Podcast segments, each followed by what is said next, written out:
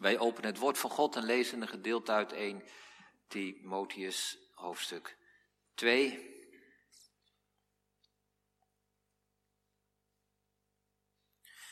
De brieven van Paulus kun je grofweg verdelen in, in brieven aan gemeenten en brieven aan personen. Er zijn drie brieven aan, of vier brieven moet ik zeggen, aan personen geschreven. En de twee brieven van Timotheus en Titus, die drie samen worden de pastorale brieven genoemd. En dat is niet omdat Paulus anders niet pastoraal zou zijn, maar dit zijn brieven die gaan over de rol van een pastor, een herder. Timotheus was de opvolger van Paulus. Hij krijgt in deze brieven aanwijzingen hoe hij als apostel zou je bijna zeggen, als opvolger van Paulus, leiding moet geven aan het gemeenteleven. Wat is een pastor? Hoe functioneert de gemeente? En deze pastorale brieven gaan dus over van ambtsdragers enzovoort.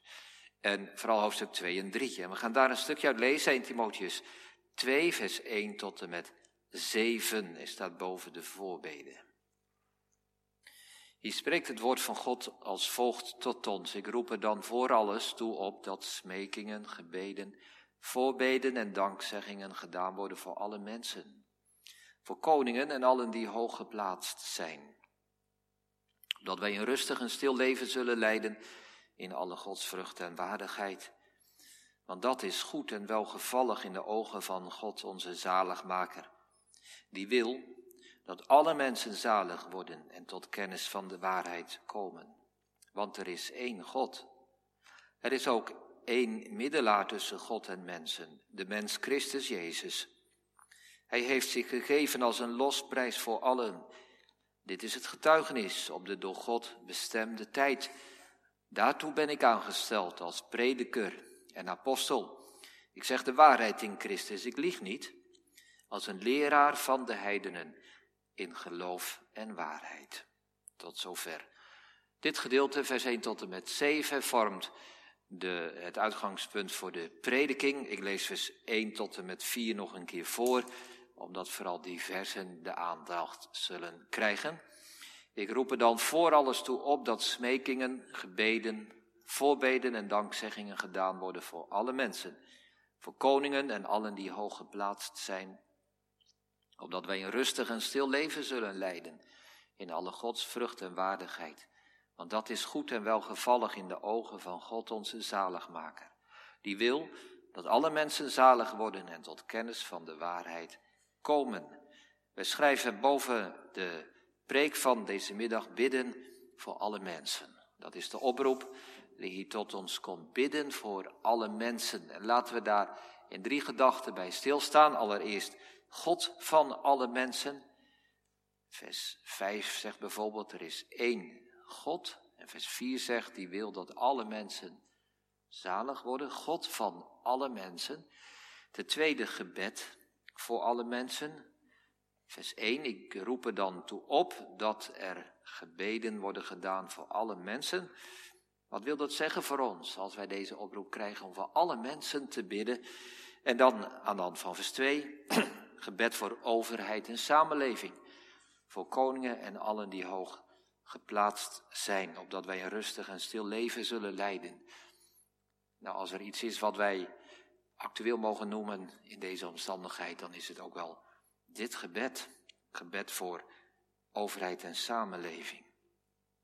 Dus dat zijn de drie gedachten. God van alle mensen, gebed voor alle mensen en gebed voor overheid en samenleving.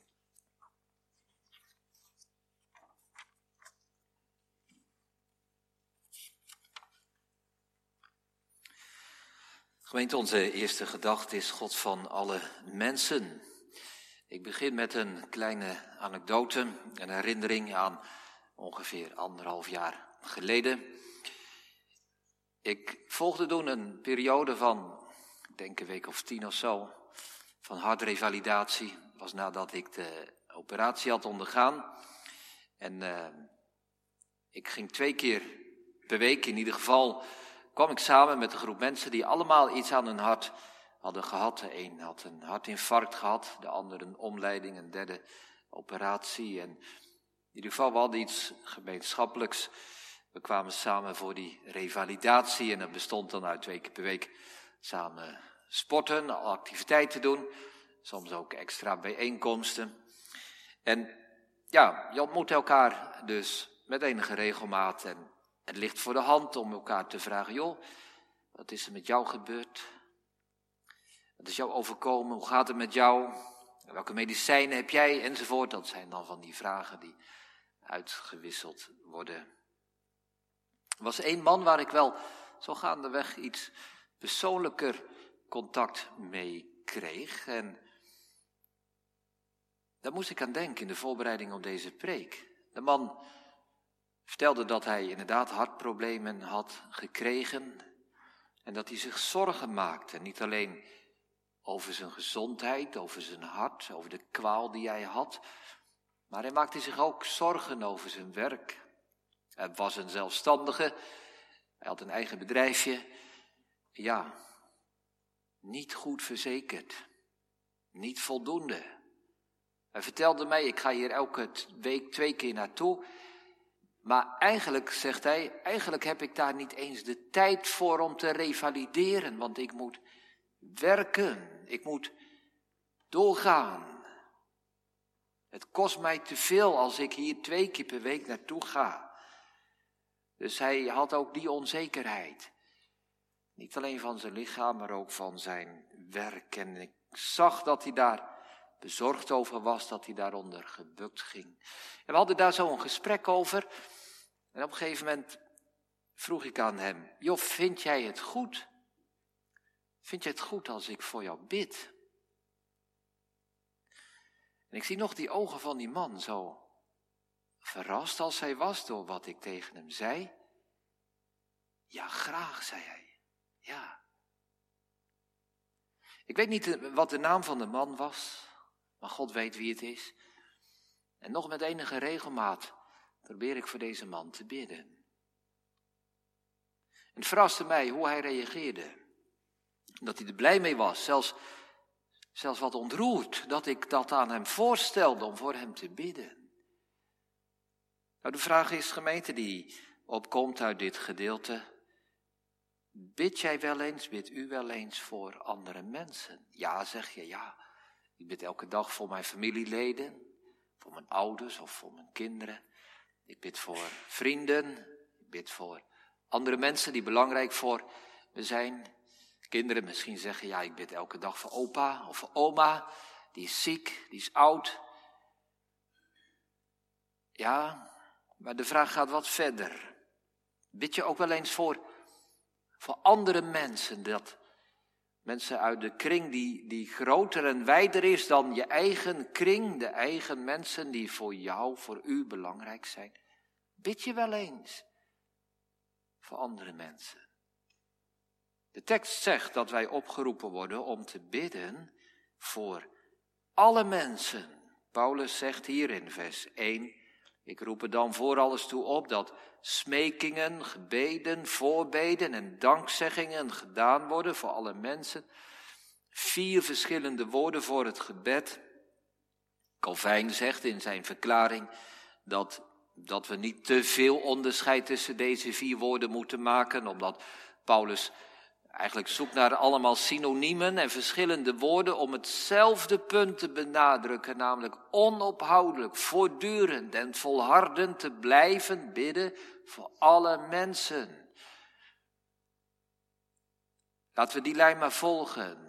Dat, dat we niet de nadruk gaan leggen op wat is nou het verschil tussen smeking, gebed, voorbeden, dankzegging. Maar dat we de nadruk laten vallen op dat woordje voor alle mensen. Alle mensen. Daar valt de klemtoon op. Dat is de oproep. Dus gemeente, ik zei het zojuist al even, hè, in deze pastorale brief geeft Paulus aanwijzingen aan Timotheus en daarmee aan de hele christelijke kerk, hoe de christelijke gemeente behoort te functioneren. Wij zouden denken, dan begint hij natuurlijk met de preek. Ja, de preek is het centrum waar het om moet gaan. Als de gemeente samenkomt, dan komen we om het woord van God te horen. Maar dat is niet wat Paulus hier doet. Het eerste wat hij noemt, voor alles, ik roep er dan voor alles toe op om te bidden. De gemeente komt samen om te bidden.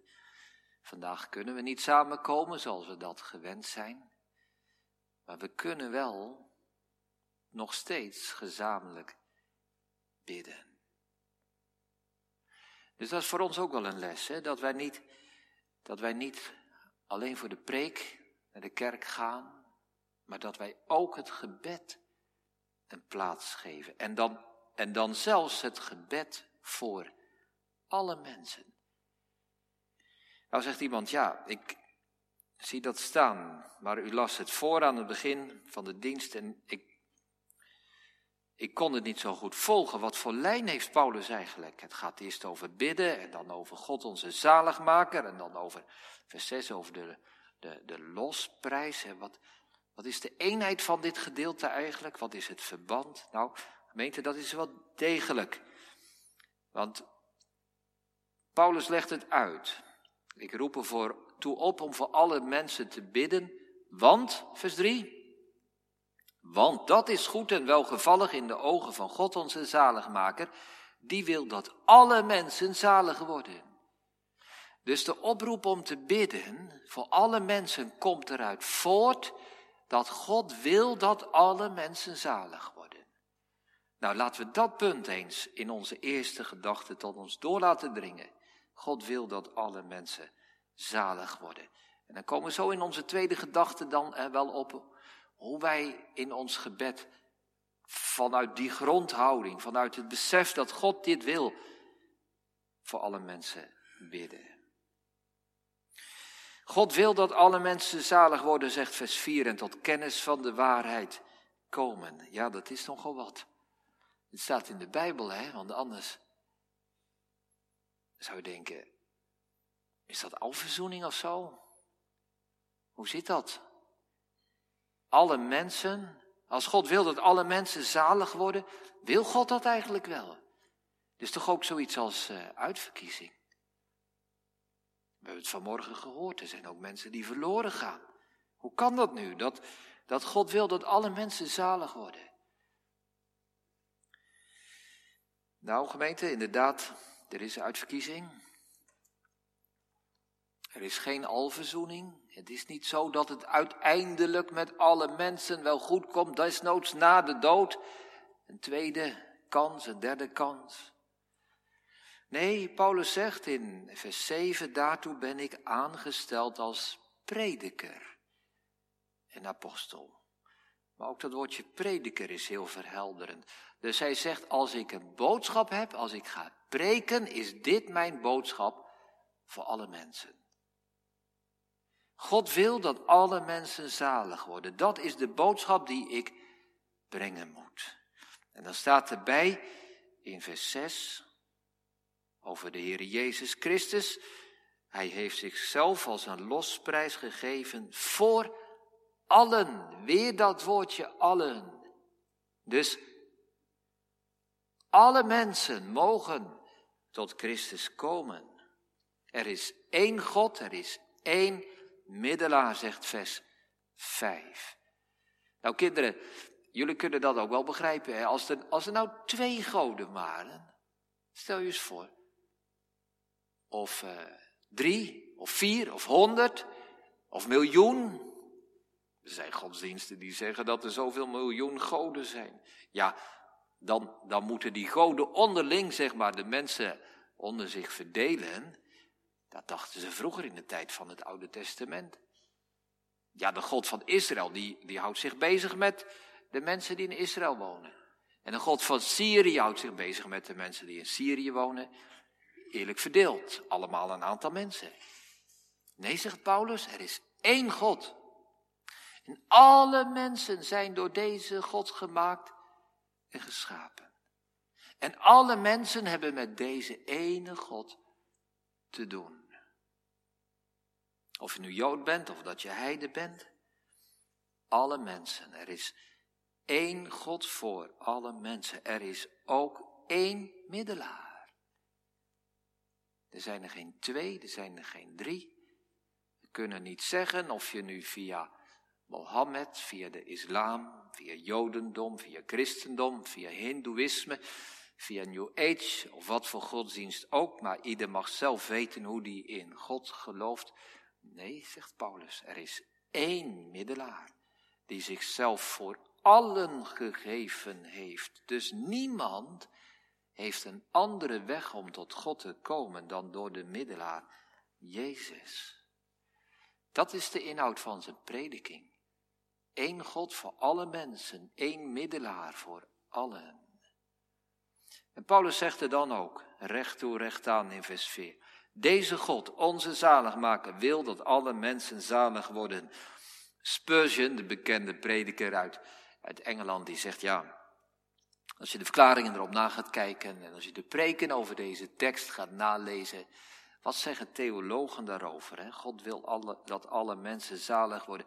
Hij zegt, er zijn erbij die zeggen, nou kijk, je moet het zo zien, en je moet het zo uitleggen, je moet die teksten bijnemen en je moet het zo in zijn verband of uit zijn verband plaatsen. En hij zegt, en dan praten ze en dan redeneren ze en ze exegetiseren.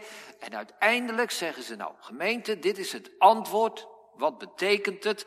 God wil niet dat alle mensen zalig worden. Ja, zijn daar de theologen voor? Nee, gemeente, daar zijn ze juist niet voor. Zover wil ik het vanmiddag niet laten komen. Om nu deze tekst te lezen en te zeggen, gemeente, ja, pas op. Eigenlijk staat er dat God het niet wil. Nee, dit staat er en hier luisteren wij naar. God wil dat alle mensen zalig worden. Daartoe ben ik aangesteld, zegt Paulus. En ik zeg het hem vanmiddag na. Daartoe ben ik aangesteld als prediker. Om aan u en aan jou te verkondigen dat God wil dat u, dat jij zalig wordt. Als God wil dat alle mensen zalig worden, dan wil Hij ook dat u, dat jij zalig wordt. Je moet denken aan aan iemand die ik ooit gesproken heb en die, en die worstelde daarmee. En die zegt, dominee, het kan zijn dat ik, dat ik ergens naar de kerk ga en dan hoor ik een preek die mij, aanspreekt. En dan denk ik, ja, maar is deze preek nu al voor mij bedoeld? Als ik nou niet in de kerk had gezeten, had die dominee gewoon dezelfde preek gehouden. Soms hoor ik een mooie lezing of een preek op internet of kijk ik naar een mooie video en spreekt mij aan en dan denk ik, ja maar hoe weet ik nu of dat voor mij is? Als ik hem niet gekeken had, had die video ook op YouTube gestaan. Nou gemeente, het antwoord is eenvoudig. God wil dat alle mensen zalig worden. Ook dat u, ook dat jij zalig wordt. Je hoeft je niet af te vragen of deze boodschap voor u bestemd is. Want hij is voor alle mensen bestemd. En onze oude schrijvers die gaan zo ver dat zij zeggen, God sluit niemand uit dan degene die zichzelf uitsluit. Je kunt dat tegenkomen bij Matthew Henry, bij Thomas Boston en er zullen er vast nog wel meer zijn. En ik noem dat erbij gemeente om duidelijk te maken dat, dat dit niet iets Arminiaans is of zo, of iets evangelisch, maar dat ook onze gereformeerde theologie deze boodschap diep, diep meegenomen heeft. God sluit niemand uit dan degene die zichzelf uitsluiten. Als jij verloren gaat, als u verloren gaat, ligt dat niet aan God. Dan ligt het aan jezelf. De boodschap van Paulus is niet, als hij hier schrijft, wat zou het een eeuwig wonder zijn als er nog eens één iemand behouden wordt. Maar hij zegt eigenlijk, wat zou het een dramatisch, verschrikkelijk iets zijn als er één iemand toch verloren gaat. Dat geldt voor ons, gemeente. God wil dat alle mensen zalig worden. Met zo'n God en met zo'n zaligmaker die zichzelf als een losprijs voor allen gegeven heeft. Met zo'n prediking waarvoor mensen worden aangesteld en toch verloren gaan. God vraagt niet van ons gemeente dat wij dit vanavond begrijpen. Je mag die vraag wel stellen. Hoe zit het dan met de uitverkiezing? Hoe zit het met de alverzoening? Maar wacht niet om dit te geloven totdat je antwoord hebt op je eigen vragen. Want dit gedeelte roept ons op ook tot nederigheid. Dit is de boodschap. Er is één God. Er is één middelaar. Ga niet je eigen God bedenken. Ga niet je eigen weg tot God bedenken. Maar buig je nederig en ootmoedig neer en aanvaard het. Als God dit zegt. Dit is de God die bestaat. Er is maar één God. Dit is de enige middelaar. En ik buig mij neer in ootmoed en gehoorzaamheid. Dat is geloof, gemeente. Tot kennis van de waarheid komen, staat er in vers 4. Geloof is aanvaarden en weten dat dit de waarheid is. Deze God en deze zaligmaker. Dus dat is de eerste gedachte, God van alle mensen. En dan komen we bij de tweede, gebed voor alle mensen. Wat is nu een christen? Wat is de christelijke gemeente? Wat is een gelovige? Dan komen we weer op die lijn van het verband, hè, van de eenheid van dit gedeelte. Nou gemeente, dat zijn mensen, ik kan, het, ik kan het heel eenvoudig zeggen. Dat zijn christenen. Dat zijn mensen die overtuigd zijn geraakt van de goedheid van God. Een gelovige is iemand die is gaan aanvaarden dat God wil dat alle mensen zalig worden. Dat is een gelovige.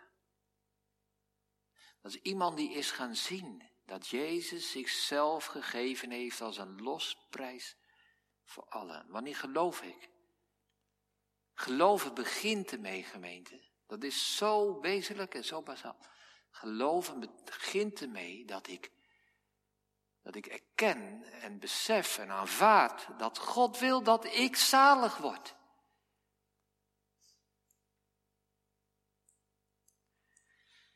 Soms lijkt het wel alsof, hè, alsof het toegestaan is om te denken, ja, ik wil wel, ik wil wel, maar, maar ik weet niet of God het wel wil.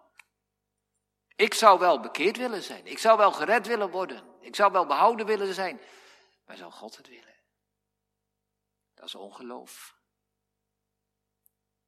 En wat zegt het geloof, gemeente? God wilde zo graag, zo zeer mijn redding en zaligheid. Dat hij zelfs mijn onwil en ongeloof overwonnen heeft en weggenomen heeft. En mij gebracht heeft tot de kennis van de waarheid. Dat is geloof.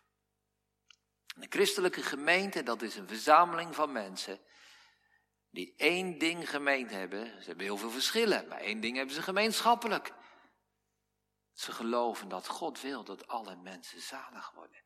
Ze geloven dat God goed is en een goede boodschap en een evangelie heeft. Als wij dat geloven, gemeente, dan moet dat ook tot uiting komen in hoe wij bidden. Hoe wij bidden. Als wij geloven dat God goed is, en wil dat alle mensen zalig worden, nou zegt Paulus, dan ga je ook bidden of alle mensen zalig mogen worden. Dan ga je voor alle mensen bidden. Als God niemand uitsluit, dan sluiten wij ook niemand uit. En dan bidden we niet alleen voor ons eigen clubje, voor ons eigen groepje, troepje, dan bidden we voor alle mensen. Als wij van de Heer Jezus leren in het volmaakte gebed, uw wil geschieden. Wat is die wil van God? Ja, denk je, de wil van God, uw wil geschieden, dat is een soort inperking. Ik bid misschien wel om, om, om genezing, om, om een baan, om, om wat dan ook. Maar uw wil geschieden, hè? dat is een soort inperking. Nee, nee, dat betekent het niet. Uw wil geschieden betekent, God wil dat alle mensen zalig worden. En ik sluit mij daarbij aan. Als God het wil, wil ik het ook. Nou, zo zien we het verband. Als God wil dat alle mensen zalig worden, als Jezus zichzelf gaf als een losprijs voor allen, dan bidden wij voor alle mensen. Er is een mooie uitspraak van Amesius, andere oude schrijver William Ames. In de prediking zegt hij, wordt de wil van God aan ons verkondigd met de bedoeling dat onze wil meegenomen wordt in wat God wil. Dan gaat een appel van de prediking uit op de hoorders. Met de bedoeling dat onze wil meegenomen wordt in wat God wil. Dat is de prediking. En hij zegt in het gebed maken wij aan God onze wil bekend. En verlangen wij, om zo te zeggen, dat Gods wil meegenomen wordt met onze wil. En wij bidden voor alle mensen. En wij hebben het goede voor alle mensen op het oog. Als Gods karakter openbaar wordt, zijn vriendelijkheid, zijn mildheid, zijn goedheid, daarin dat Hij wil dat alle mensen zalig worden. Gemeente, dan, dan horen wij op God te lijken als wij bidden. Dan moet iets van diezelfde vriendelijkheid en gunning en mildheid voor alle mensen doorklinken in onze gebeden. Dit is onze opdracht, gemeente, om in onze gebeden te laten zien wie God is. Om in onze gebeden te laten zien wie God is. Worden wij daardoor gekenmerkt dat wij bidden voor alle mensen? Wij komen samen in de kerk, nog een keer, niet alleen en allereerst voor de preek. Ik ga naar de kerk van mezelf. Ik wil een goede preek horen. Ja, maar gaan we ook naar de kerk om te bidden? Bent u, ben jij ooit wel eens naar de kerk gekomen om samen te bidden voor alle mensen? Of zeg je, oh, ik zie dominee X, dan ga ik niet heen. Oh, ik zie dat dominee Y daar is, dan ga ik daarheen. Ja, maar, maar dat gebed dan? Misschien is de preek wat minder, misschien spreekt het je wat minder aan, misschien vind je het zelfs moeilijk. Maar je komt als gemeente samen, je voelt een eenheid om te bidden voor alle mensen. Dat wij hetzelfde verlangen hebben als God, namelijk dat alle mensen zalig worden. Ik ga nog een keer wat van Spurgeon noemen. Spurgeon heeft gezegd, hij was predikant in Londen, er waren veel predikanten.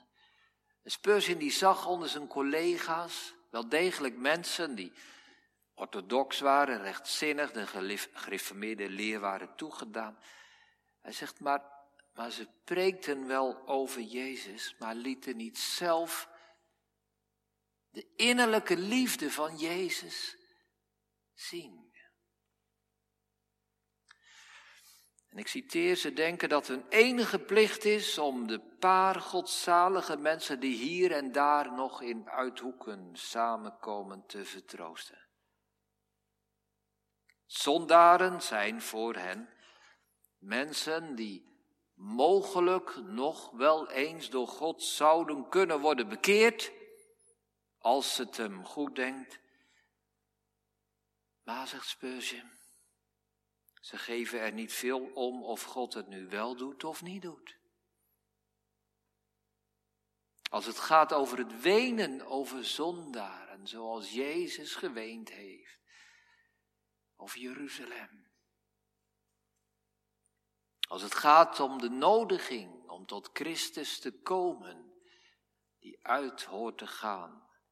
Zoals Jezus de hele dag zijn armen uitbreidde en met innerlijke ontferming bewogen was.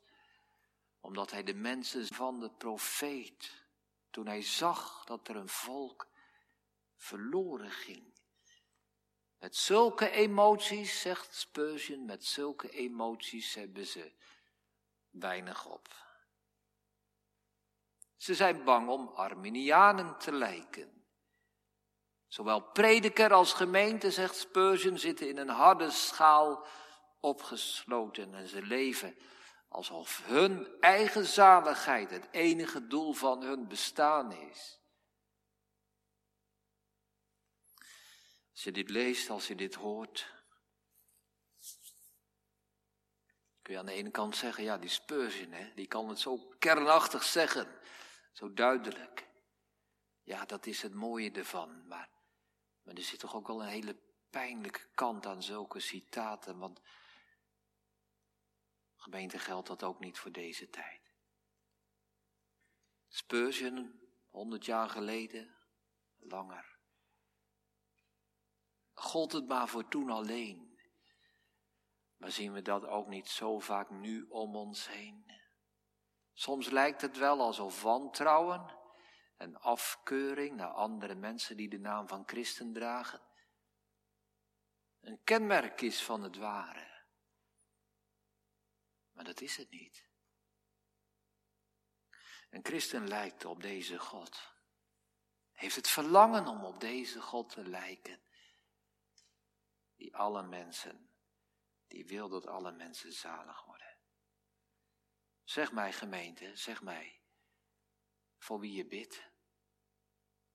En ik zal je zeggen hoe je over God denkt. Zeg mij, dominee, voor wie je bidt. En ik zal je zeggen hoe je preekt welke God je preekt. Gebed en prediking komen samen in het beeld dat wij van God hebben. En dan stel ik nog een keer die vraag. Bid u, bid jij wel eens voor andere mensen? Bid je wel eens voor, voor je collega's, voor je medestudenten, voor je buren, voor die mensen met wie je af en toe een een praatje maakt. Voor die moeders wellicht die je in de speeltuin tegenkomt. Bid je wel eens voor die mensen? Wat zeg je als je bijvoorbeeld een collega hebt die voor een belangrijk moment staat?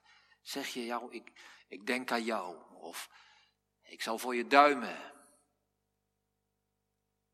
Of zeg je dan, vind je het fijn als ik voor je bid?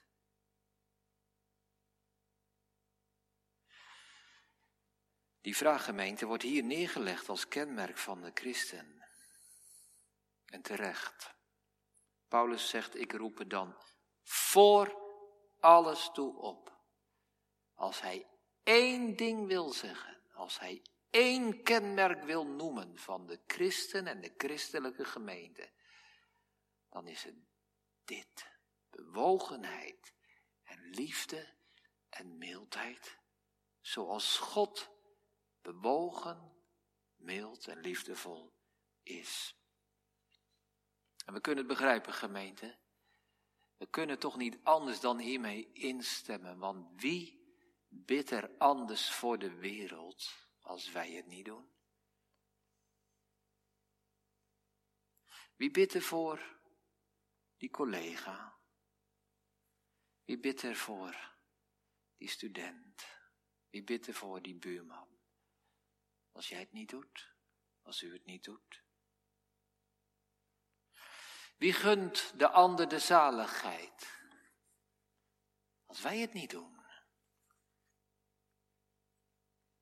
Wie willen dat die buurman, die buurvrouw, die medestudent, die collega, die jongen of dat meisje, dat kind dat je ziet spelen in de speeltuin, wie, wie willen dat dat kind gered wordt en zalig wordt?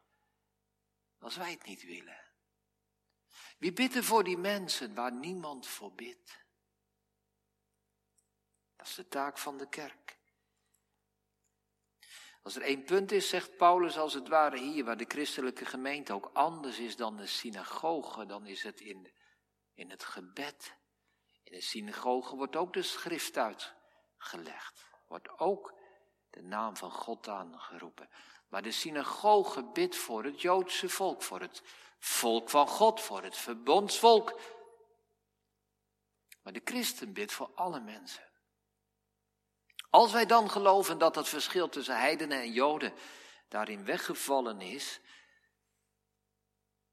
dan mag dat doorklinken in onze gebeden. Als we kijken, gemeente, vanmorgen ging het over eh, de kruisiging, als we kijken naar de kruiswoorden van Jezus, voor wie heeft hij gebeden? Voor wie was zijn eerste gebed bestemd. Was dat voor Johannes? Was dat voor zijn moeder? Was dat een gebed voor zichzelf? Nee. Het eerste gebed van Jezus was vergeef het hen. Was voor zijn vijanden. Daar roept hij ons toe op in het evangelie. Zegen hen die u vervloeken, zegt Jezus. Bid voor hen die u belasten. Bidden voor alle mensen. Zelfs voor je vijanden. Zelfs voor de mensen die ons onrecht aandoen. Gemeente, hoe makkelijk hè. Hoe makkelijk worden wij niet vervuld met minachting en afkeuring en wantrouwen richting andere mensen. Hoe snel zijn wij niet kritisch. De een is er misschien iets gevoeliger voor dan de ander, maar toch. Lelijke mensen minacht je omdat ze lelijk zijn. Oude mensen zijn maar oud. Of omgekeerd, die jongeren, die kinderen, dat jonge grut. We hebben zo snel een aanleiding, gemeente, om mensen badineren te, be, te bespreken, te bekijken. Ja maar, ja, maar zegt de Bijbel, ja, maar zegt dit gedeelte. Als je mensen dan al niet waardeert om hun uiterlijk en om hun lichaam, heb ze dan lief vanwege hun ziel. God heeft al die mensen geschapen. En allemaal hebben ze een kostbare ziel. En ieder mens is door God gemaakt met het doel en de bestemming om bij Hem te zijn. Alles is uit Zijn hand voortgekomen. De aarde is van de Heere en naar volheid. De wereld en degenen die erin wonen. En God heeft ze geschapen om bij Hem te zijn en gelukzalig te zijn. Heb dan die mensen lief vanwege hun ziel. En bid voor hen. God wil dat al die mensen zalig worden, zouden wij dan wat anders willen. Vers 3 zegt er, dit is goed en welgevallig in de ogen van God, onze zaligmaker. Het is waar gemeente. Wij kunnen al die mensen niet bekeren. Wij kunnen ze niet zalig maken. Wij kunnen ze niet veranderen. We kennen ze soms maar een beetje, maar we kunnen wel, we kunnen wel bidden voor die mensen. En we bidden tot deze God die wil dat alle mensen zalig worden. Gebed voor alle mensen, onze tweede gedachte. En we gaan nu naar onze derde gedachte. Gebed voor overheid en maatschappij. In vers 2 wordt dat gebed voor alle mensen toegespitst. Voor koningen en allen die hoog geplaatst zijn, opdat wij een rustig en stil leven zullen leiden. In alle godsvrucht en waardigheid. In het gebed voor alle mensen hoort ook het gebed voor koningen en allen die hoog geplaatst zijn. In die tijd was dat de keizer in Rome. Uh, in deze tijd mogen we uiteraard denken in onze situatie aan het koninklijk huis. Uh, we mogen denken aan de minister-president Mark Rutte. We kunnen denken aan de parlementariërs, Eerste en Tweede Kamer. Aan burgemeesters. Aan allerlei mensen die een taak hebben om in de regering van het land het goede te zoeken. En ja, de koningen en alle die hoog geplaatst zijn. Zaten daar christenen tussen? Nou, eigenlijk niet. Als je kijkt naar de keizer in die tijd, was bepaald geen christen hoor. Maar ook voor hem bidden. We bidden misschien uh, nog wel voor de SGP'ers. En voor de ChristenUnie. En misschien ook nog wel voor het CDA, want die C staat daar toch wel in, hè, christen. Maar bidden we wel eens voor Wilders? Voor de PVV? Voor D66? Voor allen die hoog geplaatst zijn. Het zijn ook mensen die een taak gekregen hebben om ons land te regeren. Of bidden we alleen maar voor Kees van der Staaij en Gert-Jan Segers? Hè? Dat zijn de mensen die dat zijn onze mensen. Nee, zegt Paulus, nee, beperk je niet. Bid zelfs voor de keizer, die wrede keizer die christenen vervolgt. Bid voor hen. Jeremia had het al gezegd. Hoofdstuk 29, vers 7. Zoek de vrede voor de stad. Bid ervoor tot de Heer, want in haar vrede zult u vrede hebben. Dus wij bidden gemeente ook in dat tweede vers. Hè, wij bidden of God niet alleen de kerk inschakelt om zijn werk in de wereld te doen, maar wij bidden of God ook de overheid en de samenleving en de economie inschakelt om zijn werk in deze wereld te doen, dat alle mensen zalig worden. Ook dat zijn instanties, ook dat zijn mensen die God gebruikt. Er staat bij opdat wij een rustig en een stil leven zullen leiden. Dan kun je zeggen, nou ja, dat is wel heel burgerlijk geformuleerd, een stil en rustig leven leiden. Ja, maar vraag dat maar eens aan zoveel mensen in deze wereld die geen stil en niet een rustig leven kunnen leiden. Waar de overheid weinig te zeggen heeft. Ga maar eens vragen aan mensen die wonen in buurten van grote steden in deze wereld waar de politie niet durft te komen. Wat zouden die mensen blij zijn met een rustig en een stil leven? Ga maar eens naar oorlogsgebieden waar mensen dit zo missen. Een overheid die een land regeert en stuurt in rechtvaardigheid.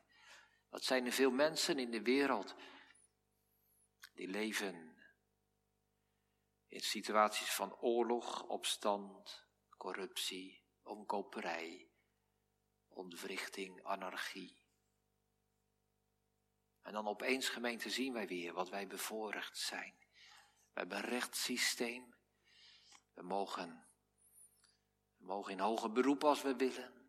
Rechters mogen niet worden omgekocht. De politie is aanspreekbaar, de overheid is aanspreekbaar op, op een morele gedrag.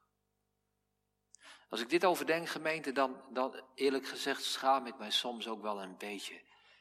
Dat we als kerk er soms zo snel bij zijn om kritiek te hebben. En als er dan een besluit is wat we niet goed vinden, dan, dan, ja, dan moeten de kerken een brief schrijven aan de overheid hè, en zeggen de zondagsrust is in het geding.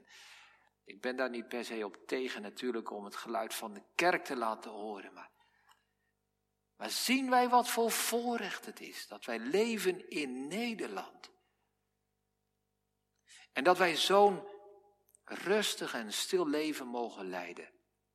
Dat de kerk ons de, dat de overheid ons als kerk de ruimte geeft om in alle godsvrucht en waardigheid te leven.